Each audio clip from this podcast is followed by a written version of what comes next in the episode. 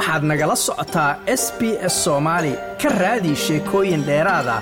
s b s com au xariijin soomaali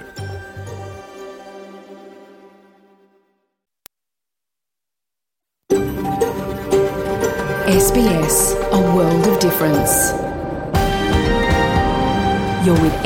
Somali.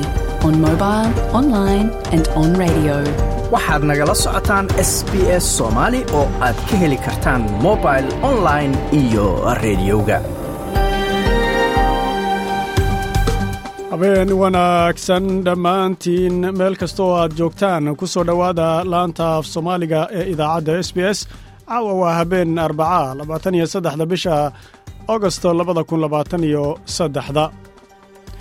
barnaamijka caawa wuxuu idinkaga imanayaa magaalada melbourne stuudiogeeda waxaana idinla socodsiinaya anigoo ah maxamed madar. Waxyaabahaad caawa idaacaddayada ku maqli doontaan waxaa ka mid ah isbahaysiga briks iyo miisaanka uu ku yeelan karo isbahaysigaasi dunida dhexdeeda. Trump oo isagu calaamad su'aal ay saaran tahay in loo oggolaan doono doorashooyinka nagu soo aadan. Ciidanka xoogga dalka iyo kuwa deegaanka oo iyagu ka howlgalaya gobollada qaarkood oo magaalooyin ka qabsadeen al-shabaab. Baadhitaanno laga filayo baadhitaanno laga furay aandhahono etoobiya oo tahriibayaal ka socda waddankaasi amaba etoobiyaan u dhashay lagu dilay xuduudka sacuudiga oo baadhitaanno laga samaynayo. Haatanna qodobada warka ugu darka roon.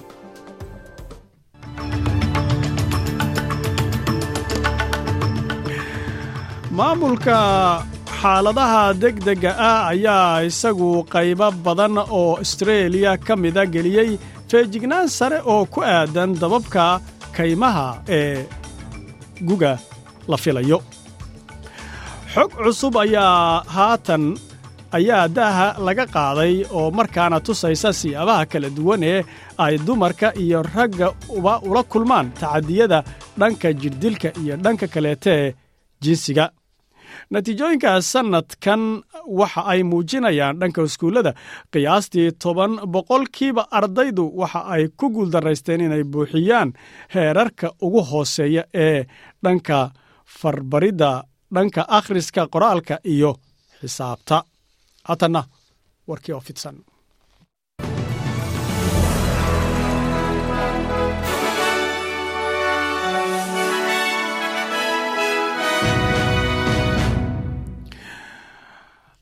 eedaymo ayaa lagu soo aadiyey laba dhallinyaro ah oo da'yar oo iyagu lagu soo eedeeyey dab isagu aad u ba'naa oo burburiyey goob oo burburiyey goob iyadu warshad ahayd oo halkaasi wakhti hore laga guuray oo magaalada sydney ku taalay boqol ka mida ragga debdemiska ayaa la dagaalamay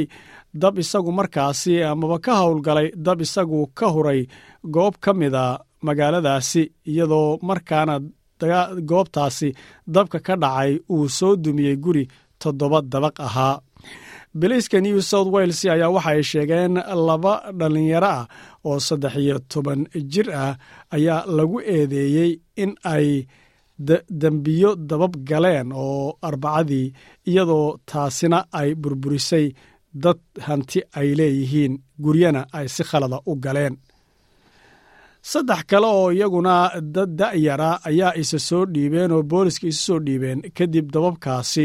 markii ay dhaceen. Halka warkaasi aad kala socotaan waa laanta afka soomaaliga ee idaacadda s b s. Waxda emerjensiga amaba xaaladaha degdega ah ayaa waxa ay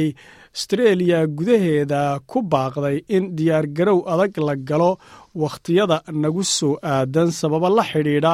iyada oo dababka kaymaha ka dhaca sannadkan inay daraadaan la filaya ayay dhaheen. Arrintaas iyadoo uu ka hadlayo mas'uul ayaa waxa uu yidhi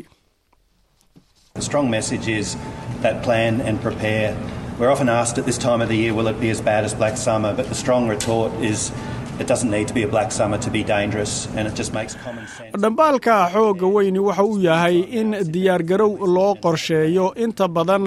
dadku wakhtigani sannadka waxay ku weydiinayaan arrintuma waxay u xumaan doontaa ama ay gaadhi doontaa? Sidii sayfkii amaba xagaagii hore ee xagaaga madow loo yaqaanay. Balse arrinta dhabtu waxay tahay inaynan daruuri ahayn in ay gaadho in xagaagii madoobaa oo kale la gaadho balse si uu khatar u noqdo. Waxaana aqligal ah in dadku ay u diyaargaroobaan si wakhtigooda ay qoysaska ola qaataan qorshana loo samaysto. Halka warkaasi aad kala socotaan waa laanta afka soomaaliga idaacadda s b s. Xogta xafiiska tirakoobka astreeliya waxay muujinaysaa mid ka mid ah shantii dumarka astreeliyaanka ahi inay la kulmeen faraxumayn dhanka jinsiga ah. Cod aruurin laga sameeyey baadhitaanadaasi qofka badbaadada qofka ayaa lagu ogaaday in saddex iyo toban boqolkiiba dumarka iyo afar dhibic shan boqolkiiba ragga ay la kulmaan dhibaatooyin jinsiya sida laga soo xigtay natiijooyinka labaatan iyo laba boqolkiiba dumarka ayaa la kulma xadgudub jinsi oo rag ka mida oo rag ka timid iyo in ka yar boqolkiiba hal dumar mid ka timid oo xadguduba.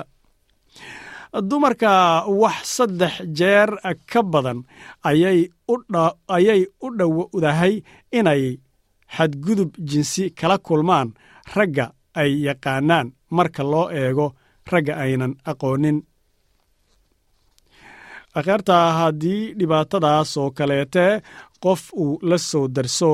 waxa uu caawin ka heli karaa nambarka hal sideed eber eber toddoba saddex toddoba toddoba saddex labo. Halka warkaasi aad kala socotaan waa laanta afka soomaaliga idaacadda s b s natiijooyinka sanadkan dhanka dugsiyada waxay muujinayaan in boqolkiiba toban ardaydu ay ku guuldaraysteen inay gaaraan heerarka ugu yar ee xagga qoraalka iyo xisaabta iyo akhriskaba. Iyadoo sagaal ka mid ah tobankii ay yihiin ardayda indigeneska ah ee waddanka australia ee ku nool northern territory baadhitaano laga sameeyey madaxa federaalka ee midowda waxbarashada waddanka australia ayaa isagoo hadlaya wuxuu yidhi We need to fully fund public schools so that we can provide more one on one support for our children. That requires all governments to get on with the business of fully funding public schools.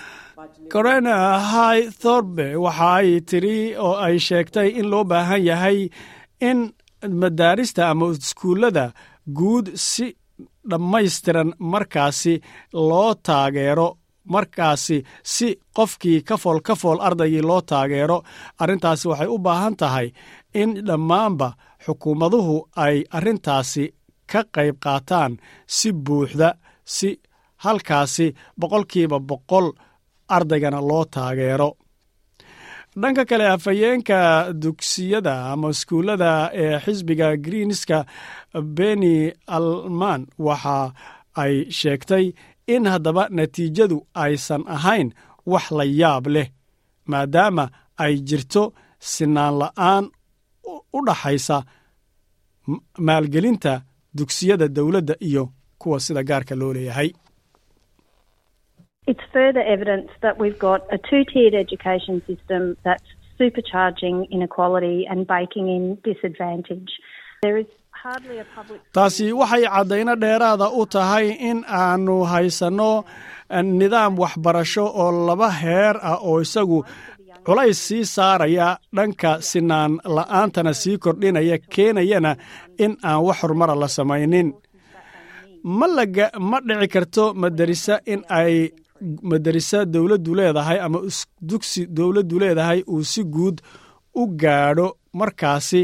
si boqolkiiba boqol ah waxyaabaha loo baahan yahayna uu helo marka ayna aad ogaato inay yihiin dadka xataa tabarta darani meesha ay wax ka bartaan inay halkaa tahay. Waxaa markaasi loo baahan yahay in ay noqoto iskuulladaasi iyo dugsiyadaasi kuwo si buuxa loo taageero si dadkaasi ay waxbarasho u helaan. Halka warkaasi aad kala socotaan waa laanta afka soomaaliga ee idaacadda s b s. Baaritaan baarlamaanka federaalka ahi sameeyey oo uu sameeyey oo ku saabsan xiisadda kiraysiga ama guri kiraysiga ee sii xumaanaysa ayaa ka bilaabatay brisbain ka hor inta aysan aadin sydney iyo cambera baaritaankan ayaa hubin doonaa waayo aragnimada ama khibradda dadka kiraystayaasha ah iyo dadka doonaya guri kira ah. Iyo kor u kaca markaasi qiimaha iyo sidoo kale awooditaanka kiradaba.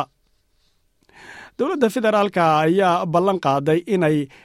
dhisi doonto hal dhibic laba milyan oo guri ah shanta sano ee soo socota si loo yareeyo dhibaatada arrimaha guryaha haatan akhyaarta hawda nagala xidhiidhay. Haddaynu fiirino dhanka berito hawada beth sagaaliyo toban heerka kulku iyadoo xogow daruuro ah cirka lagu arki doono berito melbourne ayaa sidoo kaleete iyadana daruuro cirka uu yeelan doonaa heerka kulkuna siddeed iyo toban uu gaadhi doonaa hobat ayaa iyadana sidoo kaleete siddeed iyo toban heerka kulku uu noqon doonaa cambera ayaa iyadana qayb ka mida cirka daruuro lagu arki doonaa heerka kulkuna toddobiyo toban. Sydney waxa ay kulku gaadhi doonaa labaatan heerka kulku waa labaatan iyadoo daruurana lagu arki doono. Cirka brisbain ayaa iyadu xogow noqon doonta qorax iyadoo heerka kulkuna labaatan iyo shan uu gaadhi doono. Sarifka doolarka halkii doolar australiana waxa uu dhigmaa eber dhibic lixdan iyo afar sentis oo maraykana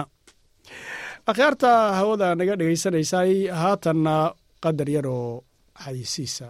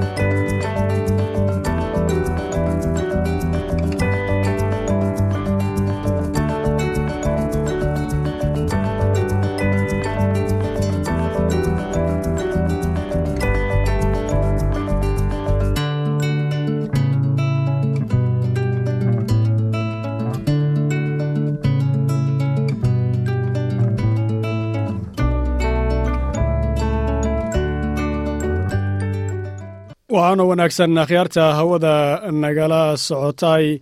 Waxa aynu bilowga barnaamijkeenna haatan galnay innaga oo marka ugu horreysa aad maqli doontaan barnaamijka trump oo isagu calaamad su'aal la saaray in haddaba doorashada soo socota uu ka qaybgeli doono sababo la xidhiidha dembiyadii lagu soo eedeynayey ciidamada xoogga dalka soomaaliya oo kuwa deegaanka kaashanaya ayaa howlgallo ay sameeyeen magaalooyin ka fuliyey howlgallo shabaabkana ka qabsaday magaalooyin istraatiijiya baaritaana laga furay etoobiya tahriibayaal ka socda oo xuduudka sacuudiga iyo yeman gelaya ayaa halkaasi la sheegay in lagu laayay tiraduna ay badan tahay. Halkaasi warbixin baanu ka diyaarinay. Haatan waxaad ku soo dhowaataan isbahaysiga briks iyo miisaanka uu isbahaysigaasi yeelan karo iyo waxyaabaha dareenka ah ee marka haatan dunidu ay ka muujisay. Isbahaysigan ayaa maalintii shalay ahayd ee talaadada waxaa uga furmay shir madaxeed oo ay isugu imanayaan waddanka koonfur africa magaalada johannesburg. Akhyaarta ku soo dhowaada warbixinaan ka diyaarinay arrintaasi labaatan iyo labada talaadada ayaa waxaa bilowday shirka kooxda brex la magac baxday iyadoo johannesburg ay ka furantay iyadoo ay dalal fara badani ay u hanqaltaagayaan inay ku biiraan isbahaysigaasi dhaqaale. Tanoo ah baratan loo baratamayo kala qaybsanaanta saaxada adduunka oo markaasina dagaalka ukrain oo isagu sabab u noqonayo. Shirkan ayaa waxaa ka qaybgalaya hogaamiyaalka dalalka shiinaha hindiya brazil iyo koonfur afrika iyadoo dhankiisa madaxweynaha ruushka valadimir putin uu ku gaabsanayo kelimad dhanka videoga uu ka soo jeediyo sababo la xidhiidha arrinta maxkamadda dembiyada adduunka ee ay ku soo saartay in la xidho iyadoo loogu marmarsoonayo eedeyma kaga yimid dhanka dembiye dagaaloo lagu soo oogay oo uu carruurta ukrain uu ka galay iyadoo shirkanna uu ku matelayo wasiirka arrimaha dibadda ee ruushka sergey lafrof shirkan oo saddex maalmood socon doona magaciisuna uu yahay brex iyo afrika ahmiyad gaara ayuu yeelanayaa. Kadib dagaalka ruushka iyo ukrain iyo weliba siraaca iyo loolanka dhanka siyaasadeed ee ay ku jiraan maraykanka iyo shiinuhu. Iyadoo dalalka xubnaha kaana ay haatan kor u qaadayaan odhaahyada ku saabsan caalam isagu waxaa loo baahan yahay isu dheelitiran ammaanna leh. Waxaana ugu yeedhaynaa bay dhaheen in la soo gebagabeeyo casriga halka dhinac ee keliya laga maamulo.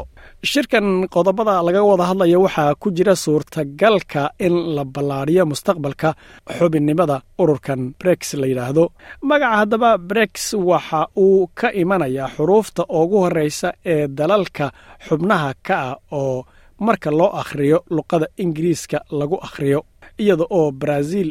iyo russiya iyo indiya iyo china iyo koonfur afrika magacyadaasi bilowgooda la isku googooyey. Shirkan ayaa loogu yeedhay dalal lixdan iyo sagaala inay ka soo qayb galaan oo ay ka mid yihiin dalalka afrika dhammaantood. Waxaa kaloo dalalka qaarkood oo afrika ah ay muujiyeen in ay doonayaan inay ku soo darmadaan. Dalalkana waxaa ka mid ah algeria masar iyo etoobiya brex ayaa haatan waxa ay matalaysaa boqolkiiba labaatan iyo saddex dhanka ku saabsan wax soo saarka maxalliga ah ee guud ee caalamka iyo boqolkiiba afartan iyo labo dadka degaanka adduunka tiradooda iyo wax ka badan lix iyo toban dhanka tijaarada caalamiga ah ee la isdhaafsado. Shirka ka hor madaxweynaha koonfur afrika ramafosa ayaa waxa uu sheegay in waddankiisu uusan ku simbirirxanaynin baratanka awoodaha adduunku ay ku jiraan. Ramafosa ayaa waxa uu yidhi hadal uu telefishinka ka tabiyey oo shacabka uu u tabiyey ma ku simbirirxanayna buu yidhi baratanka awoodaha adduunku ay baratamayaan waddankanaguna waxa uu ku socdaa siyaasadda aan dhanna u janjeedhin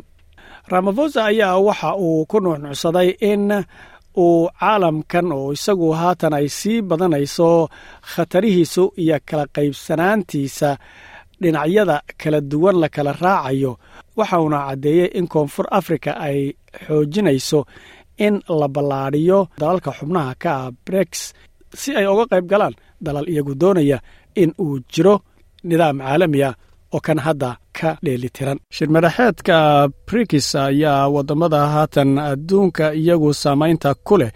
aynan hadda ka hor dabagal iyo dareen weyn aynan ka qaadin sida shirkan shan iyo tobnaada sida uu walwal u geliyey ee talaadadii shirkanoo johannesburg ka furmay ciwaankiisuna uu yahay brikis iyo afrika. Shirkan ayaa hogaamiyaalkiisu si gaara weliba waddanka shiinuhu ay u doonayaan in la ballaadhiyo dalalka ka midkuuna ay bataan iyadoo walwal badan ku samayn karta dhinacyada haatan dunida gacanta ku haya. Xildhirayaal arrimaha siyaasadda u kurkuurgala ayaa waxaa iyagu markaasi sheegeen in mas'uuliyiinta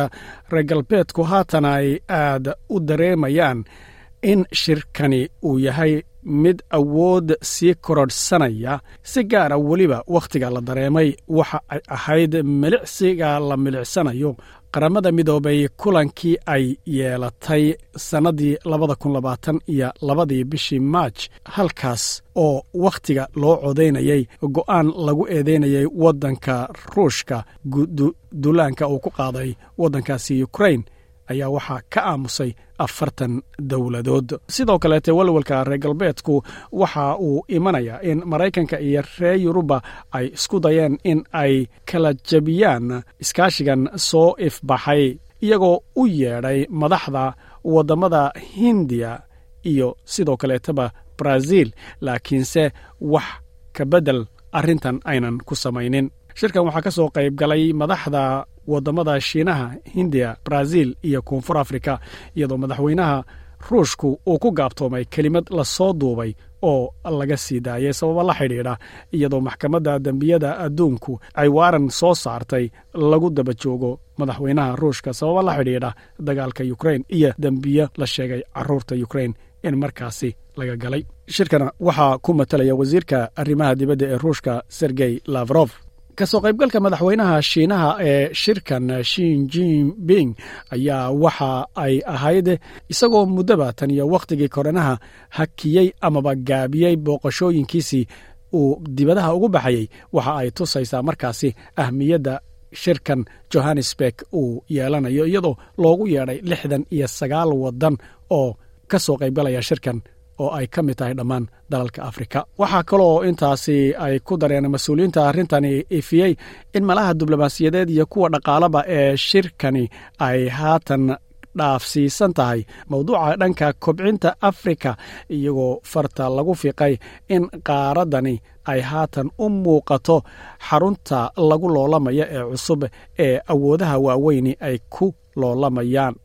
iyo kuwa soo korayaba taa waxaa sii dheer ujeeddada loolankaasi waxa uu yahay caddayn la caddaynaya awoodaha xoogga dhanka siyaasadeed iyo midka dhaqaale ee cusub ee haatan sannadihii u dambeeyey soo baxay iyadoo ay muuqato in carqalado iyo caqabado nidaamka haatan caalamka xukuma ee reer galbeedku ay hogaaminayaan inay soo wajahday su'aalaha imanaya ayaa waxaa ka mid a. Caalamkuma waxa uu arkayaa dhismo iskaashi oo dhan siyaasadeed iyo dhaqaalaba ka dhisan oo cusub oo ka hor imanaya kii reer galbeedka iyadoo dhinacyada qaarkeedna ay rumaysan yihiin in shiinuhu ay u suxulduubayaan inay brikis u adeegsato gabaada ay ku ballaadhinayso awooddeeda heerka caalami waxaa kaloo iyaduna la isweydiinayaa ma dareensan yihiin reer galbeedku ugu dambayn in dowladaha koonfurta ku yaalla in ay wax badan iska beddeleen. Dowladihiisuna ay haatan noqdeen kuwa kara in ay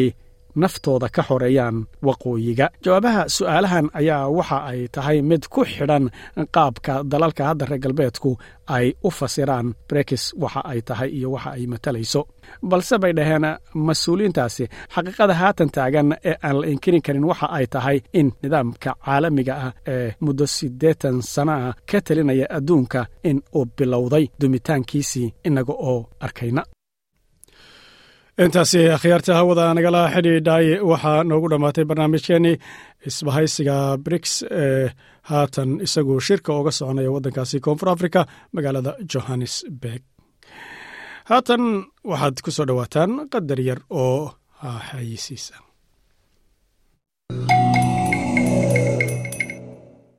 akhyaarta hawada nagala xidhiidhay barnaamijkeenaasi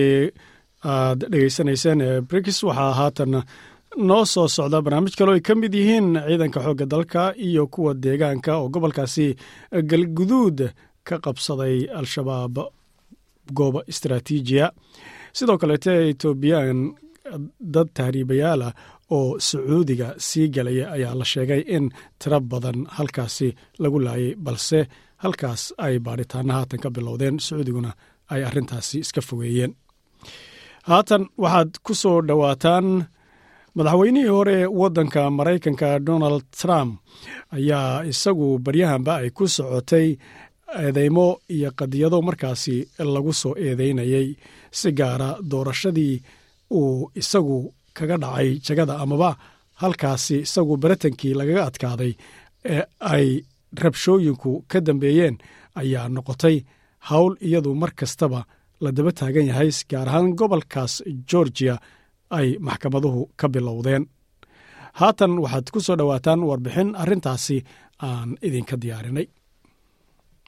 Madaxweynihii hore ee maraykanka donald trump ayaa sheegay in uu isu dhiibi doono khamiista nagu soo beegan maamulka gobolka georgiya ee maraykanka. Master trump ayaa wajahaya maxkamado iyo eedayn isagoo lagu eedeeyey in uu isku dayay in uu meesha ka saaro guuldarradii doorashooyinka ka soo gaadhay labadii kun iyo labaatanka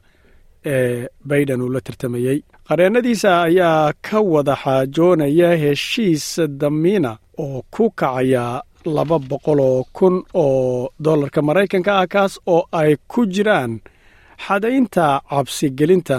makhraatiyaasha iyo sidoo kaleete carqaladaynta cadaaladda arrintan madaxweynaha haatan lagu eedaynayo ee maxkamadayntiisa iyo haddii uu lagu helo dembiyada lagu eedaynayo ayaa haatan waxa ay abuurtay arrindooda oo ku saabsan dhanka madaxweynaha maraykanku ma noqon doonaa nin isagu u dhigma ama u qalma inuu madaxweyne noqdo. Marka la eego qaanuunka waddanka maraykanka. Doodda dhanka qaanuunka ayaa waxa ay haatan ku wajahan tahay labada kun iyo labaatan iyo afarta doorashooyinka maraykanka ee madaxtooyada ee ku saabsan haddii madaxweynihii horeete ee waddanka maraykanka donald trump la eedeeyo oo lagu helo dembiyada markaasi lagu soo eedeeyey ma ka mancin doontaa ama ma ka hor istaagi doontaa inuu is-sharaxo iyadoo sidoo kaleetana su'aaluhu ay ka imanayaan haddii la eedeeyo ama lagu helo dacwooyinkaasi ma ku filan tahay in ay ka fogayso in uu qabto jaga dowladda dhankeeda oo ay ka mid tahay madaxweynenimada iyo hoggaanka sare ee ciidanka qalabka sida. Xogaha ayaa dhammaan waxa ay tusayaan in haatan uu yahay ninka ugu horreeya xisbiga jamhuuriga murashaxiinta. Haatan isa soo sharaxaya inuu yahay trump doorashooyinka labada kun labaatan iyo afarta inkastoo ay howl dhanka dastuuriga ama qaanuunka ay haysato oo iyadu saamayn ku yeelan doonta mustaqbalka doorashada iyo dadka wax dooranaya. Dhinacyo dhanka qaanuunka ku xeeldheer waxay arkaan in dastuurku uusan ka hor istaagaynin trump inuu isu sharaxo xataa haddii dembi ahaan la soo eedeeyo. Maxaa yeelay maadada labaad ee dhanka murashaxa madaxweynaha waxa ay tahay shuruuddiisu in uu muwaadin maraykana noqdo tan iyo wakhtigii uu dhashay inuuna noqdo mid isagu waddanka joogay muddo afar iyo toban sana ah ugu yaraan waana inuu ku noolaado si joogtaa sanadkiisuna uusan ka yaraanin soddon iyo shan jir. Mana ka mid ah ayay aragtidaasi leedahay shuruudda in aan la eedayninoo wax dembi ah aan lagu helin amaba aan la xidhin kaba mid ma arrintaasi. Dhinaca kaleete fuqaha dhanka qaanuunka ah iyo madaxa dhanka ka socda xisbiga jamhuuriga ah ayaa waxa ay si joogta ah arrimaha dastuurka farta ugu fiiqayaan inay lagama maarmaan tahayna ay sheegayaan in trump laga hor istaago in uu sanadka labaatan iyo afarta iyadoo la daliishanayo wax kabeddelka dhanka dastuurka ee tirsigiisu uu yahay afar iyo tobanka oo la ansixiyey sannadii kun siddeed boqol lixdan iyo sideedii taasoo sheegaysa inaynan qofna u bannaanayn in qof uu jago xukuumadda ka qabto ama dhanka ciidanka aba qofkaasoo mar hore lagu dhaariyey dastuurka dowladda kadibna ka qayb galay dhaartaasi kadib madax adayga iyo dhibaatooyin markaasi ka dhan ah dowladda ama gacanba ka siiyey kuwa iyagu dhibaatooyinka samaynaya. Dhinaca kaleete murashax asa hatshinson waa murashax xisbiga jamhuuriga ah u sharaxan. Waxa uu isagoo ka hadlaya barnaamijka xaaladda midowga waxa uu shabakadda c n n ta u sheegay in waxa trump uu lixdii bishii janawari ku dhaqaaqay labada kun labaatan iyo kowgii markii ay galeen taageerayaashiisii aqalka cad ee maraykanka. Ah taasi inay isku adday ahayd tanoo uu isku dayayey in natiijooyinka doorashooyinka madaxtooyada ee markaasi la riday in uu ka hortago. Taasi waxa ay tahay buu yidhi in ay xadgudub ku noqoto nambarka afar iyo tobnaad ee dastuurka maraykanka. Sidaa daraaddeed buu yidhi ninka murashaxaasi uma uu qalmo in uu jaga ka qabto mar kaleete ama uu issoo sharaxo. Murashaxan ayaa waxa uu u deliishaday culimmada qaanuunka oo iyagu markaasi sheegaya in trump laga yaabo in uusan u noqonin qof isagu u dhigma ama u qalma madaxweynenimada. Wuxuuna yidhi ma huba buu yidhi in uu u qalmo inuu noqdo madaxweynaha soo socda ee maraykanka. Sidaa daraaddeed suurtagal ma ah inaan dalabnaa in la taageero qof laga yaabo inuusan u qalmin dastuurka marka la eego in uu noqdo markaasi madaxweyno waxaanan farta ku fiiqayaa buu yidhi anigu wax ka beddelka dastuurka ee nambarka afar iyo tobnaad. Dhinaceeda majallada the atlantic ayaa waxa ay ku soo qortay qoraaladeedaasi in asaatidada qaanuunka dastuuriga ah oo kale ah lawrence trine iyo qaadigii hore ee maxkamadda federaalka ah ee muxaafidiinta ka tirsan michael loting waxa ay arkaan aragti qaanuun oo sheegaysa in dastuurka ay ku jirto xugun ka hor istaagaya trump in uu qabto jaga guud mar kaleete waxayna soo qoreen dadaaladii madaxweynuhu uu ku doonayay inuu wax kaga bedelo doorashooyinkii labada kun iyo labaatanka iyo wixii ka dambeeyey oo weerarada dhismaha kabitaalka ah waxaa haddaba si toosa ay u gelinaysaa xeerka ama qodobka ka dhigaysa inuusan u qalmin in madaxweyne uu noqdo. Sidaa daraaddeed oo ma uu qalmo in uu mar kaleete madaxweyne noqdo ayay leeyihiin. Waxayna ku tilmaameen arrintani inay tahay qadiyad aad u weyn waana arrimaha dastuuriga ee casrigeenna kuwa ugu waaweyn waxayna odorosayaan in meesha ugu xooga badan ee dooddu ka dhici doontana ay arrintan tahay. Waxayna farta ku fiiqeen in qaybta saddexaad ee wax ka beddelkaasi dastuurka ee afar iyo tobanka nambarkiisu yahay in loo yaqaano shuruudda u qalmid la'aanta. Waxayna caddeeyeen in laba faqro oo keliya oo wax ka beddelkaasi in ay burburinayaan iskudayga trump uu ugu suxulduubayo ku noqodka aqalka cad waxayna dhaheen qodobka u qalmid la'aanta. Madaxweynihii horeete waxa ay ka hor istaagaysaa in uu mansabka madaxweynenimada mar kale qabto sababa la xidhiidha. Dhaqankiisii dhacdooyinkii lixdii janawari dhacay labadii kun iyo labaatan iyo kowdii iyo wixii ka horreeyeyba. Sidoo kaleete khabiirka dhanka qaanuunka william bord iyo sidoo kaleete michael bolis ayaa waxa ay iyaguna leeyihiin madaxweynihii hore donald trump uma qalmo dastuur ahaan in uu madaxweyne mar kaleete noqdo uuna qabto jagada madaxweynenimada. Amaba mansab kaleoo xukuumadda ah sababa la xidhiidha kaalinta uu ku lahaa iskudaygiisii in uu wax ka bedelo doorashooyinkii labada kun iyo labaatanka dhacay iyo wax kabeddelka natiijooyinka iyo dhacdooyinkii ku xigay. Labadaasi khabiirna waxay sheegeen in trump uu hadalkii uu tabiyey ee daqiiqada ka hor inta aan dhismaha aqalka cad la galin uu tabiyey in dhambaal guud uu ahaa oo isagu xadidan. Ujeeddadiisuna ay ahayd in doorashooyinkii la xaday isagoo ugu yeedhaya dadkii halkaa isugu yimid inay tallaabooyin deg dega qaadaan oy kaga hortegayaan in maamulka la wareejiyo. Sidoo kale waxay sheegeen in geedi socodka guud ee dhaqanka trump lafahaantiisuba in ay ahliyadda ama uqalmidda sharaxitaanka iyo madaxweynenimada ay ka hor istaagayso. Iyada oo weliba aan la fiirininba in markaasi la eedaynayo dembi ahaan oo lagu eedaynayo doorashooyinkii labada kun iyo labaatanka iyo in kaleete. Waxaa kaloo ay farta ku fiiqeen labada khabiir sooyaalkii taariikheed ee qaybtan wax kabeddelka ee nambarkeedu afar iyo toban yahay oo iyadu hadda ka hor wax badan oo hogaamiyaalka federaalka ka hor istaagtay inay jagooyin qabtaan ama ay isu sharaxaan si cusub amaba ay manaasib xukuumadda ka qabtaan. Wixii ka dambeeyey dagaalkii sokeeye ee dhacay kun siddeed boqol lixdan iyo shantii waxayna caddeeyeen inaynan jirin taniyo dagaalkaasi sokeeye ee maraykanka khataro ku soo aadan dowladda dastuuriga ee waddanka maraykanka sida weerarkii aqalka cad lagu qaaday oo kale uu ahaa iyo iskudaygii trump ee aan sharciga ahayn in uu haysto jegadiisa. Gebagabada wax kasta oo haatan aan boqolkiiba boqol laysku raacsanayn u qalmid la'aanta trump balse arrintan ayaa waxa ay keeni doontaa in si dhaba qaduhu arrintaasi uu u farageliyo iyadoo khubarada dastuurku ay qirsan yihiin masalada ku saabsan trump inuu doorashooyinkan ka qayb galo oo magaciisa lagu daro labada kun iyo labaatan iyo afarta inay u baahan tahay ugu dambaynta maxkamadda sare in ay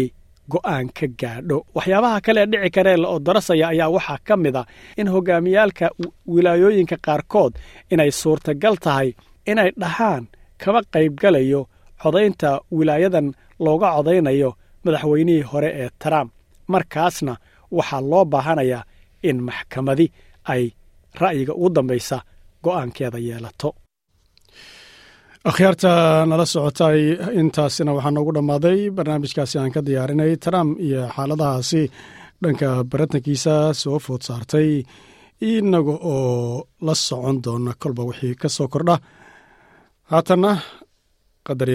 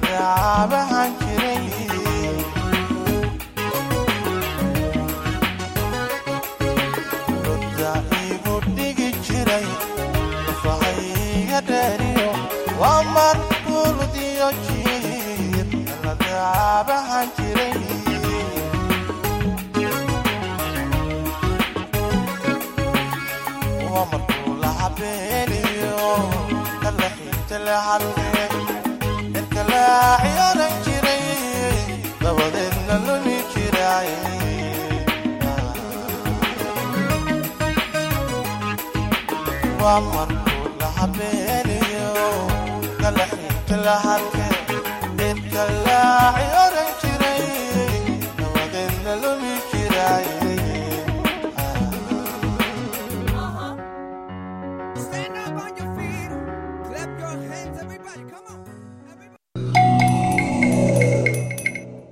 waxaana wanaagsan akhyaarta hawada nagala socotay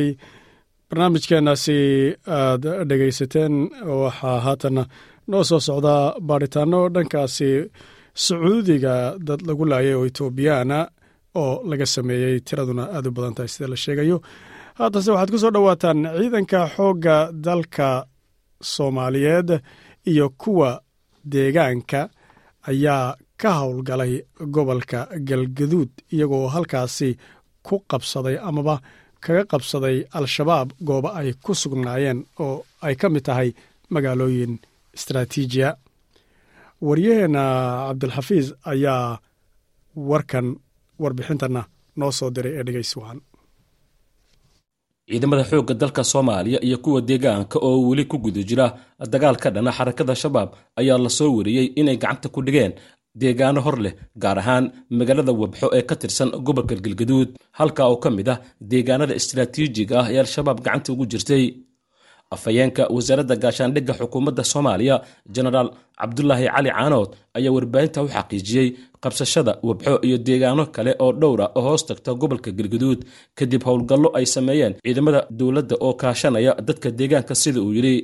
afhayeenka wasaaradda gaashaandhigga xukuumadda soomaaliya waxa uu sheegay in deegaanadan loo xoreeyey sida uu yidhi hab farsamo ku dheehan oo aanay dhici doonin inay ciidamadu mar dambe dib uga soo baxaan sida kal hore dhacday oo kale. Jenaraal canood waxa uu sheegay in sidoo kale ciidamadu ay la wareegeen deegaanada ay ka midka yihiin daadaale gal qoryaale iyo biddo ciise kuwa oo dhammaantoodba ah deegaano horay gacanta ugu jiray xarakada shabaab. Shacabka soomaaliyeed guud ahaan ummadda soomaaliyeed waxaynu isku ognayn inaannu mar walba isu soo tabinno isbeddelka xaaladeed ee ka soconaya furmaha dagaalka iyo deegaanada laga xoraynayo cadowga al-shabaab. Sidaad aan hore isugu sheegnayba howlgalku wuu socdaa laakiin si waafaqsan hab taktika ah oo aysan wax qaladaho dambe aysan gadaal ka imaan karin buu u socdaa. Waxaa socda sifaynta deegaanadii ii sheeg cadowgu uu horay u deganaa ee laga kiciyey ee dhulalka kaymaha ah ama hawdka ah dhulalka beeralayda ah dhulalka daaqsimada ah dhulalkaasoo dhan in la sifeeyo yaa hadda si weyn u socota. Waxaana maantayto ciidamadu ay gacanta ku dhigeen oo la wareegeen tuulooyin iyo degmooyin waaweyn oo la yaqaano oo ay ka mid tahay tuulada wabxo oo ah magaalo weyn oo ceelbiyood leh oo wara leh oo dhul daaqsimeed leh oo u dhiganta degmo. Waxay kaloo la wareegeen maantayto tuulada jaaw oo ayagu ay joogeen oo cadowga maxkamad uga dhisnayd oo xaasasna u joogeen maanta ciidanku waa la wareegay. Waxaa maanta ciidanku sidoo kale la wareegay daaddaale tuulo la yidhahday la wareegeen. Waxay kaloo la wareegeen gal qoryaale ee isagana maanta la wareegeen. Biddo ciise bay la wareegeen. Dhammaan meelaha aan ii sheegayo waa meelo tuulooyin dadku degganaa oo ceela leh oo dhulbadyood leh oo beera leh oo dad deegaan oo rasmi ah oo ayagu ay degganaayeen cashuur ku qaadan jireen oo amiiradu ay ka telin jireen. Afhayeenka ayaa dhanka kale sheegay in ay ciidamada dowladda isku soo dhiibeen sida uu yidhi dhallinyaro u dagaalamaysay xarakada shabaab. Isagoona sidoo kale ugu baaqay dhallinyarada kale inay ciidamada dowladda isku soo dhiibaan si loo nabadgeliyo. Waxaa kaloo jira shalayto dhallinyaro badan oo dadka la khalday ah oo al-shabaab ay khaldeen yaa isu soo dhiibay ciidamada jiido kala duwan oo ah hoos yimaada degmada galhareeri iyo ceelbuur bay iska soo dhiibeen. Waxaynu u yimaadeen ciidanka. Arrintaasi waa guul weeye. Dhallinyarada la mirarhabaabiyey ee khawaarijtu mirarhabaabiyeen waxaan ugu yeeraynaa inay ciidamada isu soo dhiibaan. Ciidanka hadday isu soo dhiibaan waxay noqonayaan muwaadiniin xaq leh waxay helayaan shaqo waxay helayaan waxbarasho waxay helayaan xorriyad iyo mustaqbal wanaagsan bay helayaan hadday ciidanka isu soo dhiibaan. Haddayse ciidanka isu soo dhiibin ee goobaha dagaalka la isugu tago waxay noqonayaan inay noqdaan mid dhintay ama mid la qabto. Ka la qabtayna dee sharciga iyo maxkamadda la geliyaa ka dhintayna wuu dhimanayaa si aad mustaqbal iyo aayatin fiican u yeelato isu soo dhiib ciidanka. Laba fursadood baad haysaa mar waa midka kan hadda aad diyaargarow ku jirtaan oo jiidaha aad isku qayqaybinaysaan hawdkaaga waa ka dhex dusi kartaa waa u tegi kartaa ciidanka waad isu dhiibi kartaa marna waa marka uu bilowmo faltanka dagaalka ee goobta aad difaaca kaga jirto. Markuu dagaalku dhammaado uu bilaabmo faltankaasi xorriyad baad haysataa illa ilmo ilaaliso labada jilbood ku istaag labada gacmood kor taag qorigana gadaal isaga tuur. Askarta ciidanku amar bay qabtaa waa ku soo dhowaynaysaa waana lagu daynayaa afhayeenka wasaaradda gaashaadhigga xukuumadda soomaaliya cabdulaahi cali canood ayaa ugu dambayntii waxa uu ku faanay in ciidanka militariga dowladda soomaaliya xilligan ay yihiin kuwa aad u xoog badan oo ay u dhan yihiin dhammaanba qalabkii dagaalka oo ay ku jiraan diyaarado duqayn ku samaynaysa shabaab isagoona carabka ku dhejiyey in guud ahaanba dalka laga xorayn doono oo howlgaradan aanay ku koobnaan doonin sida uu yidhi deegaanada galhareeri iyo ceelbuur oo keliya. Waxaan rabaa al-shabaab iyo shacabka soomaaliyeed baan aan u sheego laga soo bilaabo dhammaadkii dowladdii militariga ahayd wixii ka dambeeyey maanta ciidanka xoogga dalka soomaalida waa markii ugu xoog badnaa wey waxaan yeelanay ciidan iyo ciidan dhul oo xoog leh. Waxaa socda diyaaradihii ciidanka cirka soomaalida dhalinyaro soomaalida waddo oo sahminaysa oo duqaynaysa. Waxaa jira ciidankii xoogga dalka soomaaliya dhulka oo si fiican u faltumayo tiro badan oo gaadiid badan oo hub badan oo casri ah oo wanaagsan wata. Sidaas darteed madaxweynaha jamhuuriyadda soomaaliya dowladda iyo shacabka soomaaliyeed iyo dhammaantood waxay go'aansadeen maantayto dalka soomaaliya in laga xoreeyo al-shabaab. Al-shabaab xoraynta laga xoraynaya wuxuu isugu tegayaa saddex meelood. Ma aha magaalo in laga xoraynayo ma aha ceelbuur iyo galhareeli keliya dalkao dhan baa laga xoraynaya lagana hari maayo. Marka laga xoreeyo intuu meel tago hawd iskusoo abaabuli maayo waa la dabagelayaa howlgalku waa soconayaa waa la eryanayaa waa la qabanayaa waa la xirxirayaa waa la dilayaa waxaa badbaadaya oo keli ah midka isu soo dhiibo ciidanka isu soo dhiiba ninkaas waa la soo dhowaynayaa nimanka shacabka soomaaliyeed dhibaatada iyo makriga iyo dhagarta badan u geysto amiirada ah maanta saddex baa inii gudboon inaad badbaadaan oo aad shacabka soomaaliyeed aad ilaahayna u toobad keentaan madaxweynaha jamhuuriyadda iyo shacabka soomaaliyed cafis weydiisataan oo aad soomaali qarannimadeeda iyo dowladnimadeeda dibudhiskeeda ka qayb gashaan iyo inaad ama dhimataan ama aad xabsi ku abaadaan. Labadaasaa midii maanta inii bannaan. Wakhtigii hore oo ii sheeg ahaa meel hablaha laga qabtay waa ciidanka difaac ma jirto maantay gulufku dalka oo dhan waa ka socdaa. Ciidanku waa xoog badan yahay. Hawada waan haysannaa ciidan xoog badan baan haysannaa. Dhaqaale waa u haysannaa howlgalka. Waxaa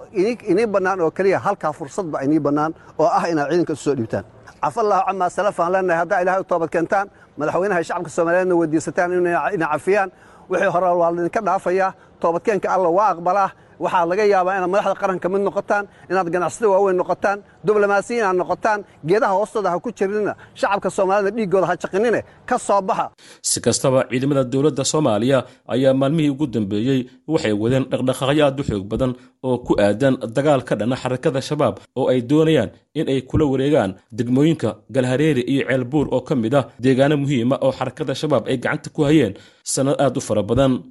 dhanka kale taliska ciidanka biliiska soomaaliya ayaa faahfaahin ka bixiyey qarax xoogan oo ka dhacay gudaha magaalada muqdisho kaasi oo loo adeegsaday gaari walxaha qarxa laga soo buuxiyey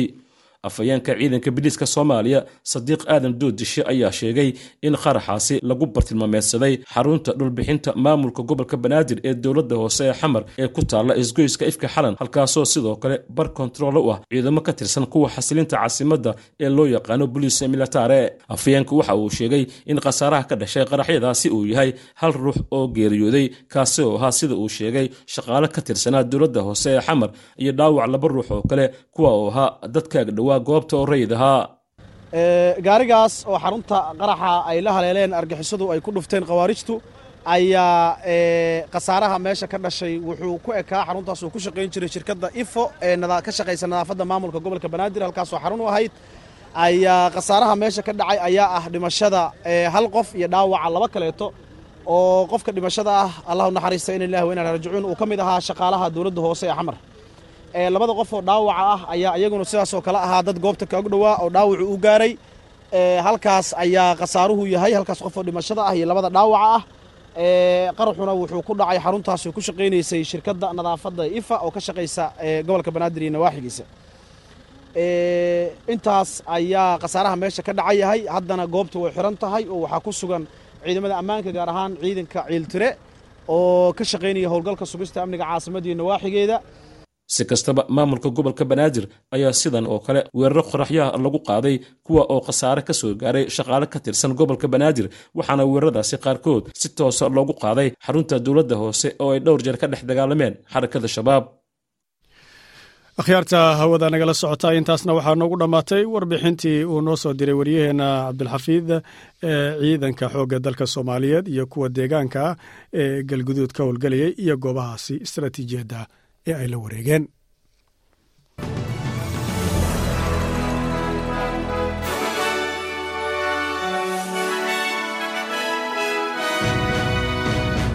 haatana qodobada warka ugu darkaroon mar kaleete maamulka xaaladaha deg dega ayaa waxa ay qayb badan oo astreeliya ka mida waxa ay feejignaan oogu baaqeen in ay ku sugnaadaan sababo la xidhiidha sannadkan dababka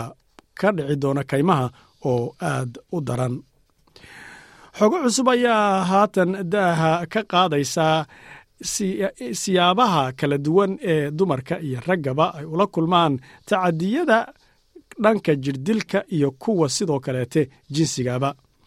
natiijooyinkan sanadkan waxay muujinayaan dhanka iskuullada. Qiyaastii toban boqolkiiba ardaydu waxa ay ku guuldaraysteen inay buuxin waayaan heerarka ugu hooseeya ee ku saabsan akhriska qoraalka iyo xisaabta. Haatanna kheerta wadana laga xidhiidhay waxaad ku soo dhowaataan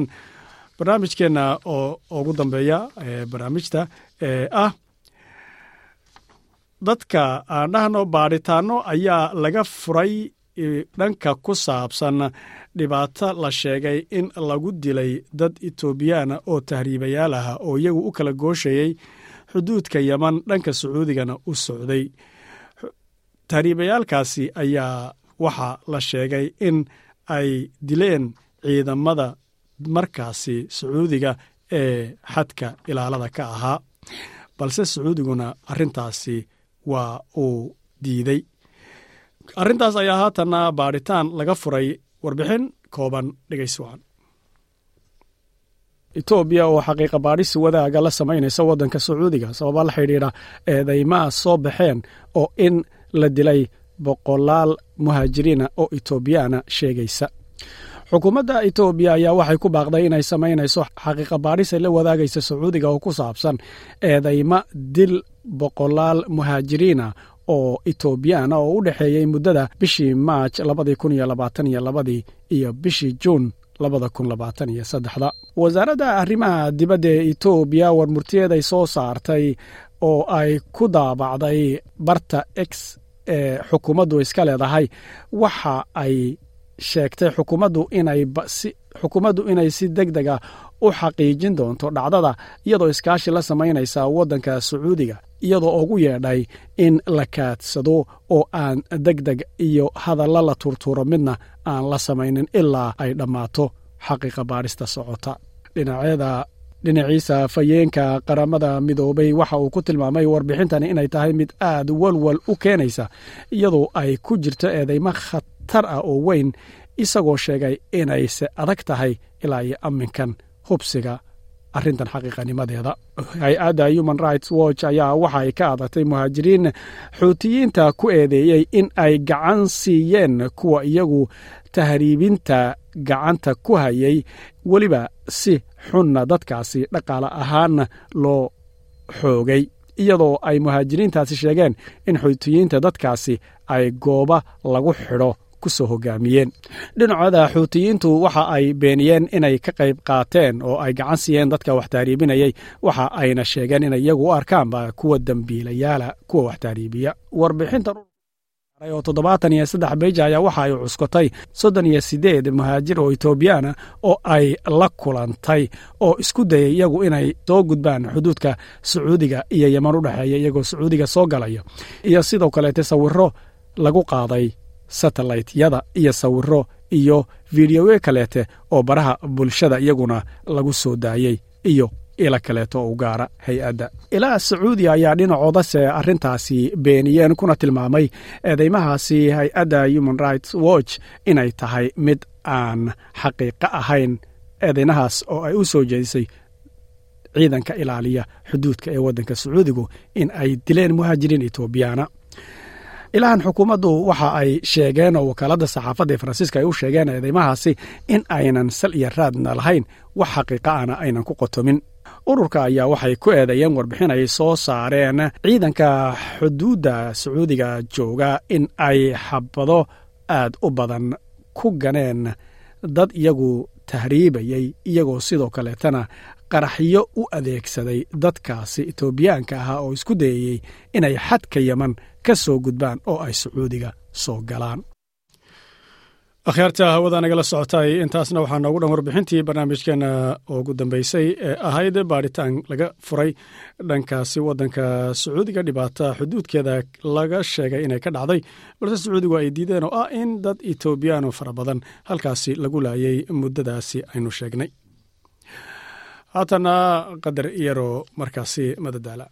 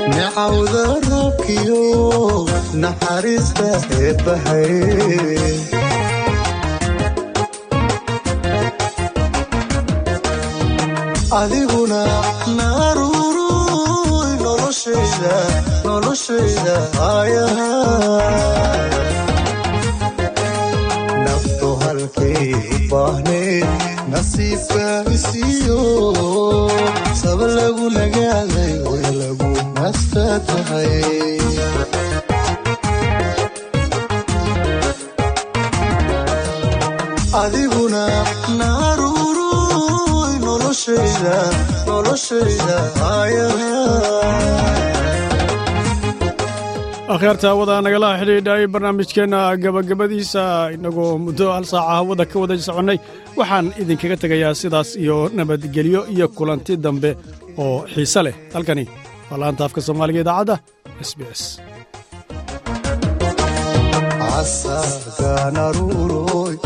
Waxaad nolosha dheer tahay qalbigaan adiiftee lagu nuga xishodkee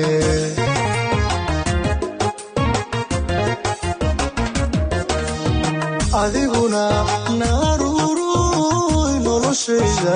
noloshayda aayaha naftu halkay u baahneed nafsiiska isiiyo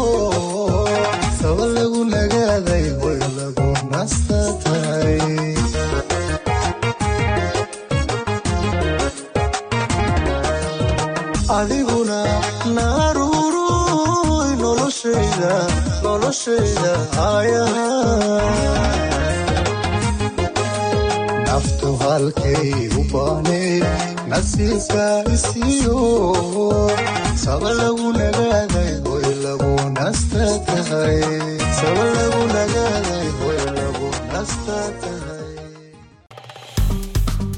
like aas la wadaag wax ka dheh lana soco barta facebooka ee sb s soomaali